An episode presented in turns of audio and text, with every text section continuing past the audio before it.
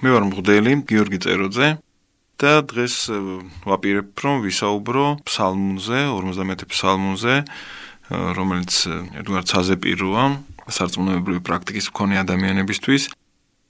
საზეპიროში თავი დაუბნებოთ რაღაც განსაკუთრებული შინაარსით არის სავსე ეს ფსალმუნი და აი ამ შინაარსების უკეთ წარმოჩენისთვის მინდა რამდენიმე სიტყვა თქვა. მით უმეტეს რომ შევამჩნიე მართალი გითხრათ რომ ამ ფსალმოს პირველ რიგში არასწორად კითხულობენ და შეიძლება ითქვას, რომ ძალიან ცulis ეს ყველაფერი იმას, რაც ქონდა დავითს ჩაფიქრებული, რაზეც უნდა და დავითს ესაუბრა, როგორც უნდა და გადმოეცა ჩვენთვის ის ურთიერთობები, რომელიც მას ქონდა ღმერთთან. და ჩვენთვის ეს ურთიერთობები არის ერთგვარი გზამკვლევი, ჩვენ ამიტომაც ვკითხულობთ ფსალმუნებს ასეთი სიხშირით, რომ დადასტურებულად ღმერთთან მიმყვანებელი ურთიერთობებია, დავითის ურთიერთობა ღმერთთან, გამორჩეული ამბავია, ეს არა მარტო დავითის ასე ძველი აღთქმის პატრიარქების წინასწარმეტყველების ხო თავის დავა და ამ შემდეგ, ამიტომ ამ შემთხვევაში აქ სიზუსტე და ერთგვარ პირველად შინაარსთან გასვლა პრომნიშნოვანი ხდება და მივყვეთ ტექსტს და წარმოაჩინოთ ის ძირითადი შეცდომა, რომელსაც უმრავლეს შემთხვევაში, აი როგორ ვთქვა, 100-დან 99 შემთხვევაში ვაწყდები. და ეს შეცდომა ცulis შინაარს მთლიან და სრულ სახეს არ გვაძლევს იმისას, რაზეც დავითი ცდილობს ილაპარაკოს და როგორც ცდილობს დავითი ილაპარაკოს. და წინარე ისტორია ამ ყველაფრის რატო დაწერა ეს ფსალმუნი დავითმა, რა ვიცი ჩვენ ამის შესახებ როგორ გვასწავლიან, ამაზე ვრცლად არ მინდა ვილაპარაკო, მინდა უბრალოდ თქვა ის, რომ ესე იგი ხდება დავითის ცხოვრებაში ისეთი რამე, რაც მისთვის წარმოუდგენელი იყო რა და რაც მისი მხრიდან სასტიკ პასუხსაც გულისხმობდა.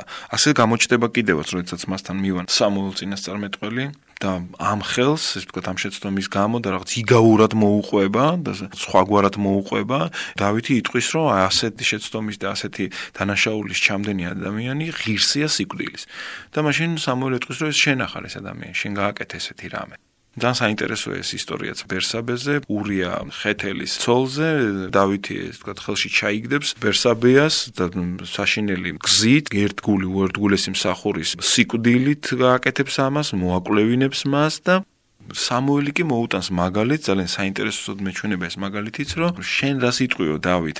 ვინმე მდიდარ კაცთან რომელსაც ბევრი ცხვარი ყავს თუ კი ესეთ ადამიანს ესტუმრება სტუმარი და ის გადაწყვეტს მის გამასპინძლებას არათავისი ფარიდან არამედ მეზობლის ერთადერთი მარჩენალი ცხვრის ხარჯზე თუ კი ეს დიდარი კაცი მოისურვებს რომ თავის სტუმარს გაუმასპინძლდეს ცხრით, რომელსაც წაართმევს ქვეშევრდომს, რომლისაცაც ის ერთ-ერთი რა ეკუთვნის ეს ადამიანს და დავით ეთყვის რომ სიკვდილი ეკუთვნის. თვითონ აფასებს თავის ნამოქმედებს როგორც ძალიან ძიმეს და ამის კვალობაზე შემდეგ ის ეს თქო გააზრებულად და განცდებით წერს ამ ფსალმოს, ხო? რომ დიდია მისი შეცდომა და ითხოვს წყალობას და ეგ არის ახლა მოკლედ მივადექით ამ თავარ სათქმელს. ბარემ ჩავიკითხო ამ პირველ ორ მუხს, მიწყალე მე ღმერთო, დიდითა წყალობითა შენითა მრავლითა მოწყალებითა შენითა ახოცე უშჯულოება ჩემი, უფრო ის, ანუ უფრო მეტად განბანე მე უშჯულოებისა ჩემისაგან და ცოდვათა ჩემთაგან გამწმინდე მე. აი აღმოსავლურ თქვა სტილს წერისას, აზრის გადმოცემისაც ახასიათებს ეს თითქოს აზრის რაღაცა დუბლირება ორმაგად, გაორმაგებულად ერთ-ეგივეს სათქმელი, იმისთვის რომ ხაზგასმული იყოს, არის გამეორებული და ამას ჩვენ აქ შევხვდებით რამდენჯერმე. სწორედ იმ პასაჟებში, რომელზეც მე მინდა ყურადღება გავამახვილო, თუმცა აქაც გვხვდება უკვე რომ მიწყალე მე მერტო დითა წყალობითა შენითა, ხო თქვა ერთხელ არა? მე ისე და მრავლითა მოწყალებითა, ცოტა უფრო სხვაგვარად, სხვაგვარი ფორმით, სხვაგვარი ხატოვანი ესე თქვა გამოთქმით, იგივე სამოს ხო? და მრავლითა მოწყალებითა შენითა ახოცი უჯილება ჩემი. უფრო მეტად გამბანე მე ჩემი ლაქისაგან იმისაგან რაც არ უნდა გამეკეთებია, რაც არაჯერ იყო უჯულოება და ცოდვათა ჩემთაგან გამწმინდე მე. იმიტომ რომ მე უწყიო ხო, რამე თუ უჯულოება ჩემი მე უწყი, მე ვიცი რაც გავაკეთე, კარგად ვაფასებ ამას. და ცოდვა ჩემი წინაშე ჩემს არს მარადის და მე ამას ყოველთვის ვხედავ ესე ვთქვა ეს თვალნათელი ამას ისე არ არის რომ მოხდა და ჩაიარა ამ ყველაფერმა. არა მე ახლა ამ ყველაფერთან ერთად მიწევს ცხოვრება. მე ამაში მიწევს ცხოვრება და ეს კიდე უფრო მეტად ესე ვთქვა ტანჯველია ჩემთვის. ჩემს წინაშე არს მარადის იმ გაგებით რომ მას მოუწევდა ადამიანთან ცხოვრება რომლის ქმარიც მოაკვლევინა. და უნდა რომ მასთან იცხოვროს ისე მის შვილების დედა გახდება უყვარს ეს კალი და ასე შემდეგ ამიტომ ეს მუდმივად თავს შეახსენებს ესე ვთქვათ ეს და ამასთან უნდა იცხოვროს მაგ ვთქვათ შედეგთან რომელიც მან დააყენა ამ თავის საქციელი. და ახლა იწყება მთავარი. შენ ხოლოსა შეგწოდე და ბოროტი შენ სინაშე ვყავ. რათა გან მართლდე სიტყვათაგან შენთა და ძლო სჯასა შენსა. თითქოს ახლა აი ამ ხრობის მიხედვით ჩვენ უნდა გვესმოდეს შემდეგი სიტყვები რომ გამწმინდე მე მაპატიე მე ჩემი დანაშაული იმიტომ რომ მე მე მართალი ვიყო შენს წინაშე და შენ სამსჯავროზე წარდგომისას ბრალი აღარ დამეტოს თითქოს დაახლოებით ასე უნდა გავიგოთ. აზრის ამდაგვარი განვითარებისკენ თითქოს გვიბიძგებს ეს წინარე რამდენიმე მუხლი, ხო? სემპლში ასე არ არის. ეს აი ეს ჩვენი სუბიექტურობა, ჩვენებური ინტერპრეტაცია და ჩვენებური ინერცია, ესე ვთქვათ, გაგების, რაღაცნაირად ღმერთთან მიმართების, ღმერთთან ურთიერთობის, ღმერთზე ჩვენი ცოდნის ეს ინერცია და ეს ინერცია გვიბიძგებს ჩვენ იქითკენ რომ გავიგოთ ისე როგორც დავითს არ უგულისხმია ტექსტი გვაიძულებს, რომ ესე ვთქვათ, არ წავიდეთ ჩვენი რაღაც სარწმუნოებრივი ინერციით და პირიქით გავითვალისწინოთ და ჩვენზე გამოვიყენოთ და ჩვენზე მოვირგოთ დავითისეული ღმერთთან ურთიერთობა, დავითისეული ხედვა ღმერთისა. აი დავითი წერს: შემიწყალე და ჩამომერეცხოსოს ცოდვა, იმიტომ რომ შენ ღმერთო, შენ აღმოჩნდე მართალი და შენ შენს ამ მსჯავრს ზლიო. მოდი დაუკვირდეთ რას ამბობს დავითი. შენ მხოლოსა შეგწოდე ბოროტი შენ სინაშე ვყავ და განბანეო ამ ყველაფრისაგანო რათაო განმართლდე სიტყვათაგან შენთან. აი ეს პირველი ნაწილი გავარჩიო ჯერ რომ შენი სიტყვების შესაბამისად შენ აღმოჩნდე მართალიო. ღმერთზე უბნება დამნაშავე დავითი. რატო?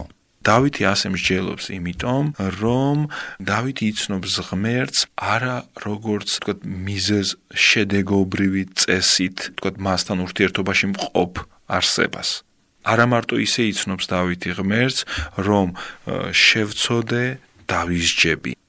სათნოთ მოვიქეცი, მცნებები აღვასრულე, წარმატება მექნება. მარტო და მხოლოდ ასე არ იცნობს დავითი ღმერთს. დავითმა იცის, რომ ეს მიზეს შედეგობრივი მიმართება არის სამყაროში, მოქმედებს, ის ხედავს ასეთ მიმართებას. მაგრამ დავითმა იცის ის, რაც არ ვიცით ჩვენ. დავითმა იცის რომ ღმერთი ამ წესის ტყვე არ არის. ღმერთი არის პიროვნული არსება.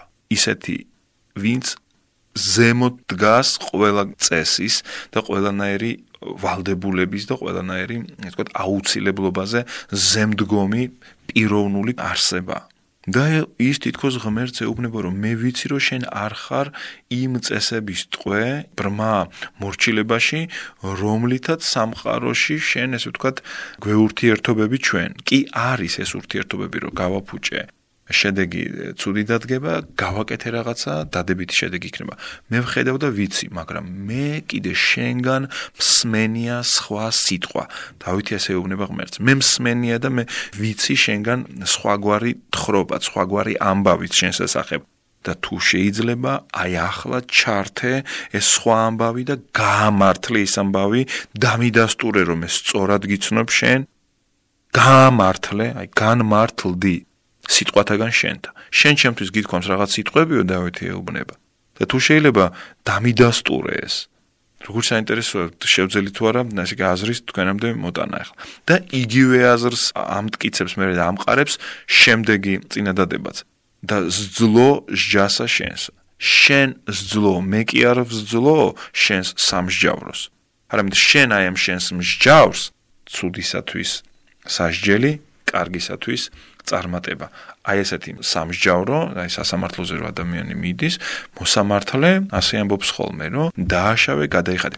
აი ახლა შეიძლება თლად უადგილო არ იყოს ერთი ისტორია ერთ ამერიკელ მოსამართლეზე, რომელსაც წარუდგენენ ქალს, ამ ქალს აქვს რამდენიმე ჯარიმა გადასახდელი ვერ გადაიხადე დროულად ეს ჯარიმები და უკვე რაღაც 500 დოლარზე ალაპარაკი მგონი და იყო ეს ყველაფერი რაღაც 50-20 დოლარის ოდენობით და იმის გამო რომ ის ვერ იხდიდა, ავიდა ეს ყველაფერი 500 დოლარზე და ეს ამ ქალმა ახლა ეს ჯარიმები აუცილებლად უნდა გადაიხადოს. ანუ მან დააშავა და ახლა აუცილებლად მოსამართლემ აუცილებლად ქალაქის ბიუჯეტის სასარგებლოდ უნდა გადაახდევინოს მას ეს ჯარიმები. მაგრამ აი ამ კონკრეტულ შემთხვევაში და აი ამ ვიდეოში რომელზეც შეიძლება თქვენს კონდეთ ნანახი ამ Facebook-ზე ან სხვა რაღაც შემთხვევაში, მოკლედ იქ ეს ხალი ყვება თავის ისტორიას, ყვება ძიმე ისტორიას იმის შესახებ, რომ მას მოუკლეს შვილი, რომ გონი ძმაც არ მოიქცა მთლად კეთილსინდისიერად და ეს ისეთი ამაღელვებელი ხდება მოსამართლისთვის. წარმოგიდგენიათ, შვილის სიკვდილი ახალგაზრდა ხალია, ეს შვილიც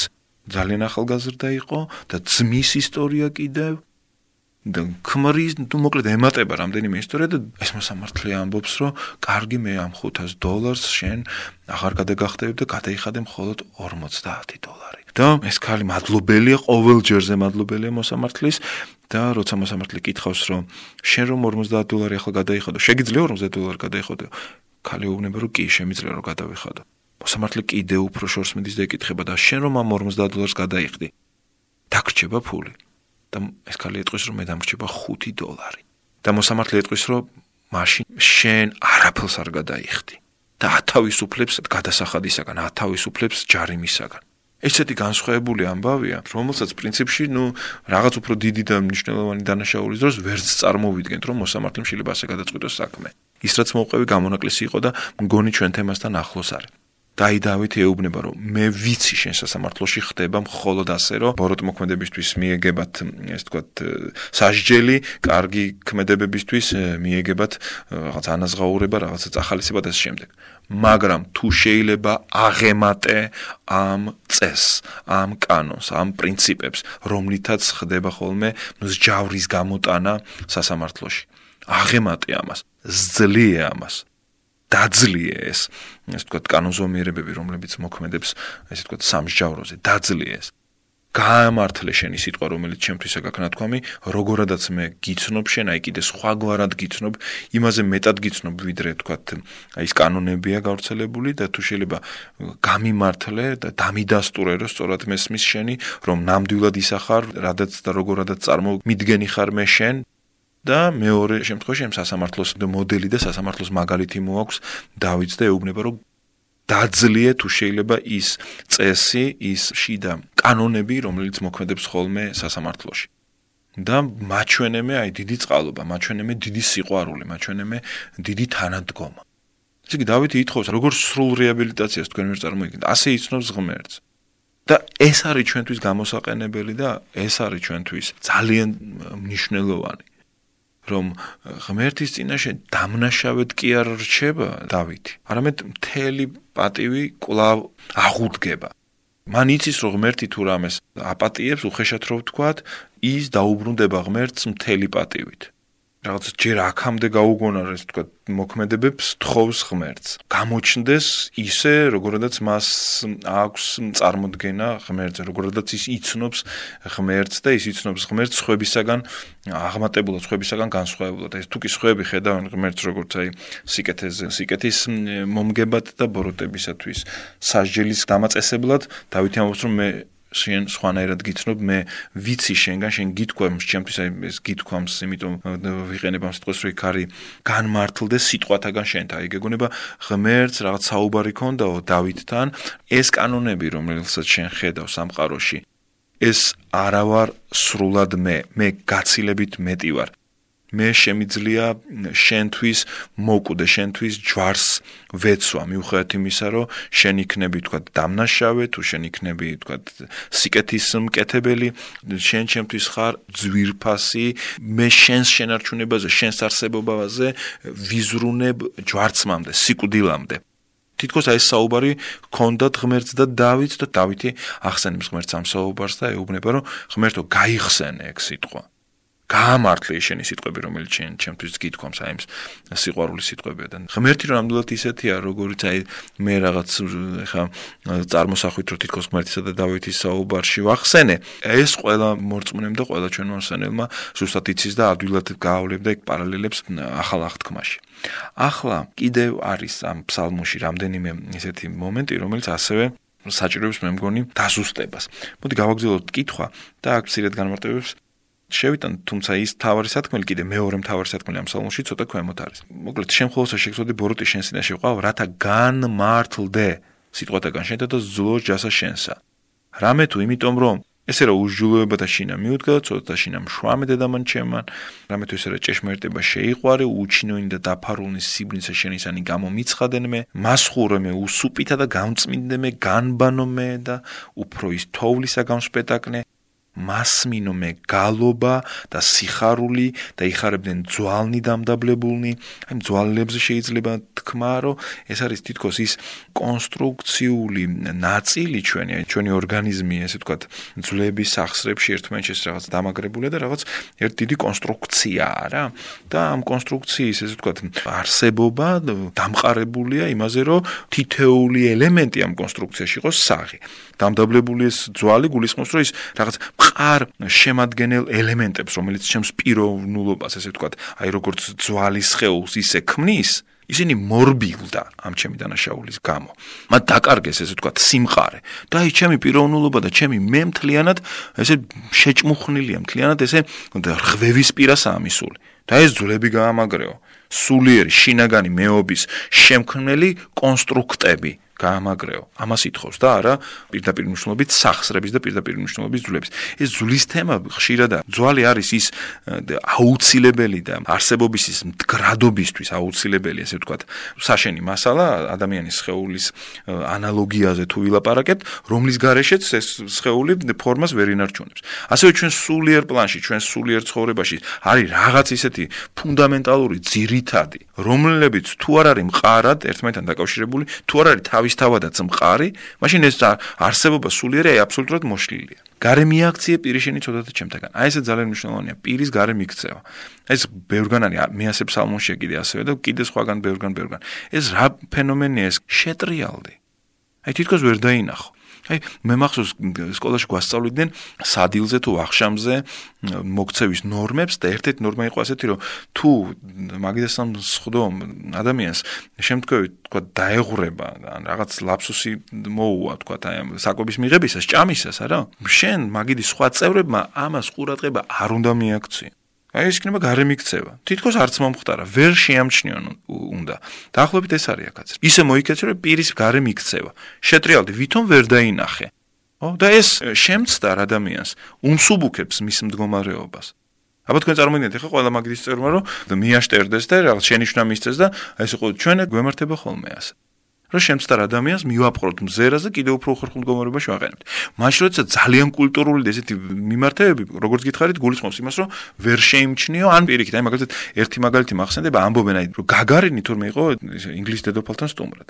და დედოფალთან სადილი სერვირება და წესები ძალიან ბევრს არ ეცოდინება იქ ჩვენ შორისაც, ხო? ნუ გაგარინი იყო ალბათ რაღაცას გაფრთხილებული, მაგრამ რაღაცები მაინც გამორჩა ეთყობა. და მოკლედ ჭურჭელში რომელსაც იყო წყალი და უნდა დაელია მგონი თუ შეიძლება და ხელები გაეწმინდა ლივნიანი წყალი იყო თუ რაღაცა მოკლედ იქიდან მგონი დალია თუ პირიქით დანიშნულებით არ გამოიყენა. ინგლისის დედოფალმა ეს რო ნახა თვითონაც ასე მოიქცა. ახლა თქვენ წარმოიდგინეთ ეხლა რომ მოესვა იმ ჭურჭლიდან რომელშიც მე დედოფალი ცოტა ხნის შემდეგ ხელს ჩაიბანდა. მიხვდებოდა თავის შეცნობას და ძალიან უხერხულად იგრძნობდა თავს. და ეს უხერხულობა რო აერიდებია სტუმრისთვის დედოფალმაც დაარღვია წესი ეს ძალიან გვიმსუბუქებს და სწორია და კარგია ასეთი მურცე და დავით უნდა რომ ასე იყოს თითქოს ვერ დაინახა ღმერთმა ის რაც გააკეთა. დამამშვიდე მე ისე მშვიდად მომყოფი რომ თითქოს ვერ დაინახე ეს. გარე მიაქციე პირიშენი ცოდვათა ჩემთაგა. ამ ცოდვის გადალახვაზე ჩვენ როდესაც ვლაპარაკობთ ხოლმე რომ ცოდვილი ვარ სინანულის კანონია მაგრამ ცოდვაში კი არ რჩება ცოდვილიანობაში ცოდვილიანობის განცდით. კი არ რჩება დავით? აი ეს დავით არ უნდა რომ დარჩეს დამნაშავის განცდით. და ჩვენც როდესაც სინანულს გამოვხატავთ ვიწრო გაგებით იმიტომ რომ არ კიდე გაცილებით სხვაგვარი გაგება სინანულის, გაცილებით უფრო მაღალი, როცა მთელი ჩვენი სოფხედველობის გამოცვლაზე ალაპარაკი. ჩვენ ცოდვაში, ცოდვის გავლენისან ცოდვილიანად ვრჩებით ხოლმე სინანულის შემდეგაც. ეს გამართლების განცდა არ გვინდა, არ გვინდა რომ ღმერთთან მართლებიყოთ, გვინდა რომ ვიყოთ მუდმივად ცოდვილი. დავითს უნდა რომ იყოს გამართლებული ღმერთის წინაშე. ეს არ გულისხმობს ცოდვის უარყოფას ან არაღიარებას, არ დანახვას და ამ გაგებით თქმას რომ არ იყო. შეუძლებელია რომ მუდმივად დამნაშავედ ვიყოთ ღმერთის წინაშე და ღმერთს ასე უნდადეს ჩვენთან ურთიერთობა. რო ვიღაცაები არიან დამნაშავეები, აი სულ რაღაც ვერაფერს ვერ აკეთებენ და ასე შემდეგ. აქ ასე არ ჩანს. გარე მიაქციე პირიშენი ცოტათაც შემდეგ და ყოველგვარ ჯუნომი ჩემნა ახხოცე. ახხოცელი ხო იცით რა არის? მაგდაზე რომ რამე დაგვეღურება და მოუწმენთ იმათ ავხოცავთ. არაფერი არ ატყვია მე იმაგიდას. იქ თუ სულ დატოვე და დაწერე მე წერილო აქ იყო პამიდრის წვენი, აქ დაიღვარა პამიდრის წვენი. თუ აღიხოცება მორჩა, სუფთაა და ვერონ ვერ შეამჩნია. უჟულოებანი ჩემნი ახოცენ გული წმინდა დაბადე ჩემთან ღმერთო და სული წრფელი განმეახლე გვამსა ჩემს. ეს წრფელი გულიც ციწრფელიც ხშირად არის. ანუ შეურყვნელი მუდმივად ერთი მიმართულებით მავალი. ნუ განმაგდებ მე პირისა შენისაგან აი ეს პირისაგან გავარდნათ აი რო არ ელაპარაკები ადამიანს რო არ გინდა მისი დანახვა. აი ეს კავშირი ერთობა არ დამაკარგიო დიალოგი არ დამაკარგიო შენთან. ურთიერთობა არ დამაკარგიო შენთან აი ეს ყველაზე დიდი ტრაგედია დავითისთვის. ნუ განმაგდებე პირისა შენისაგან და სულსაც წმინდასა შენსა ნუ მიიღებ ჩემგან. მომეცმე სიხარული მაცხოვრებისა შენისა. შენ რო არსებობ, შენი არსებობით გამოწვეული სიხარული მეც მაგზნობინე ესე ვთქვა, ხო? სულით ამ თავრობისა და დამამტკიცე მე. ამას რო გავაკეთებ, მე მე შემეძლება სხვა უჯულოებს ვასწავლოს, თქო, ვასწავლო უჯულოთა გზანიშნი და უხტონიშნი შენ და მოიქცენ. აი მე შენ შესაძლებ ვიცი და ეს გამოცდილებით თუ დამიდასტურდება, ახლა ჩვენი ურთიერთობით თუ დამიდასტურდება, მე მე ამ სხვებს ვინც არიციან, აი უჯულოთ, ვინც ისე იქცევა ღმერთთან, როგორც არაჯერ არს. უჯულოება არის რაიც არაჯერ არს. აი ეს ძველებური გაგება ღმერთის ესეთ რაღაცა ხალხური თუ რაღაცა არ ვიცი როგორი დავარქვათ. არ არის სწორი გაგება და მე იმათ ვასწავლი როგორ ხარ შენსნებლიშ და როგორი მიმართებები უნდა იყოს ადამიანსა და ღმერთს შორის. თუ ეხლა შენ მე ამას დამიდასტურებ ამ ყველაფერს, ხო? და აღმადგენ ძველ პატივში მე უკვე უფრო თავდაჯერებულა და უფრო მტკიცედ შემეძლება ამაზე ლაპარაკი. მომეცმე სიხარული მაცხოვრებისა შენისა და სულთა მთავრობისა და დაამტკიცე მე. ვასწავლი უშჯულოთა გზანი შენ და უღმრთონი შენ და მოიქცე. მისხლენ მე სიხლთაგან ღმერთო ღმერთო ცხოვრებისა ჩემისაო. იხარებდეს ენა ჩემი სიმართლესა შენსა. უფალო, ბაგანი ჩემნი აღახვენ, გააღე ჩემი პირი, პირი ჩემი უთხრობდეს ქებულებასა შენსა. მე მინდა რომ შენ გააქებოდე, ისე გააკეთე რომ ჩემი პირიდან შენი ქება გამოვიდეს. რომ სხვა შენ ჩემგან არაფერი არ გინდა, შენ გინდა რომ გულწრფელად მე მიხაროდეს შენი არსებობა. მე გულწრფელად ვაქებდე და ვხედავდე და განვიცდიდე იმ დიდ სიხარულს, რომელიც გამოწეულია იმითი რომ შენ არსებობა და ამ არსებობაში მე ვხარ კიდე მოწვეული.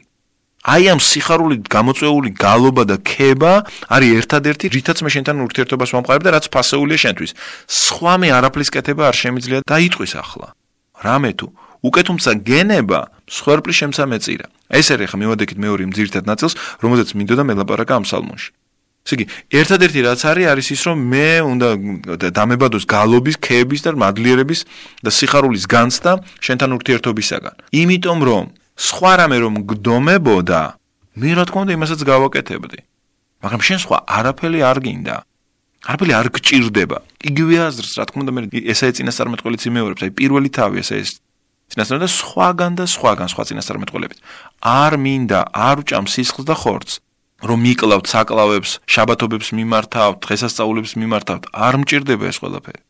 რომ მჭირდებოდეს, თქვენ არ მოგმართავდით, მაგრამ არა ვარ სისხლის სმელი და ხორცის მჭამელი ღმერთი ეუბნება. არც თქვენი სამსახური არ მჭირდება. მჭირდება აღთხოვანება სიხარული დაბადებული შენი არსებობით, შენთან ურთიერთობით.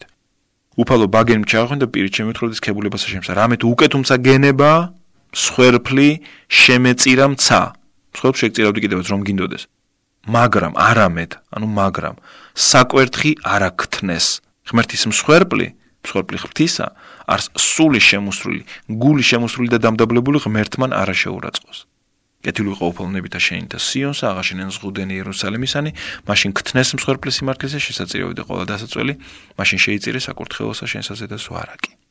აი ეს ბოლო ნაწილი კიდე ცალკე საუბრის თემად გამოგვადგება. აი ბოლო ნაწილზე რა არის კეთილი ყოფილნები და შეიძლება სიონსა და აღაშენენ ზღუდენი ჩვენ ამას ხშირად ვიმეორებთ და ამ სოლში ხო ვიმეორებთ მინიმუმ და რაზე ვლოცულობთ რაზე არის ლაპარაკი იერუსალიმის კედლების აშენებაზე მარტო თუ რა?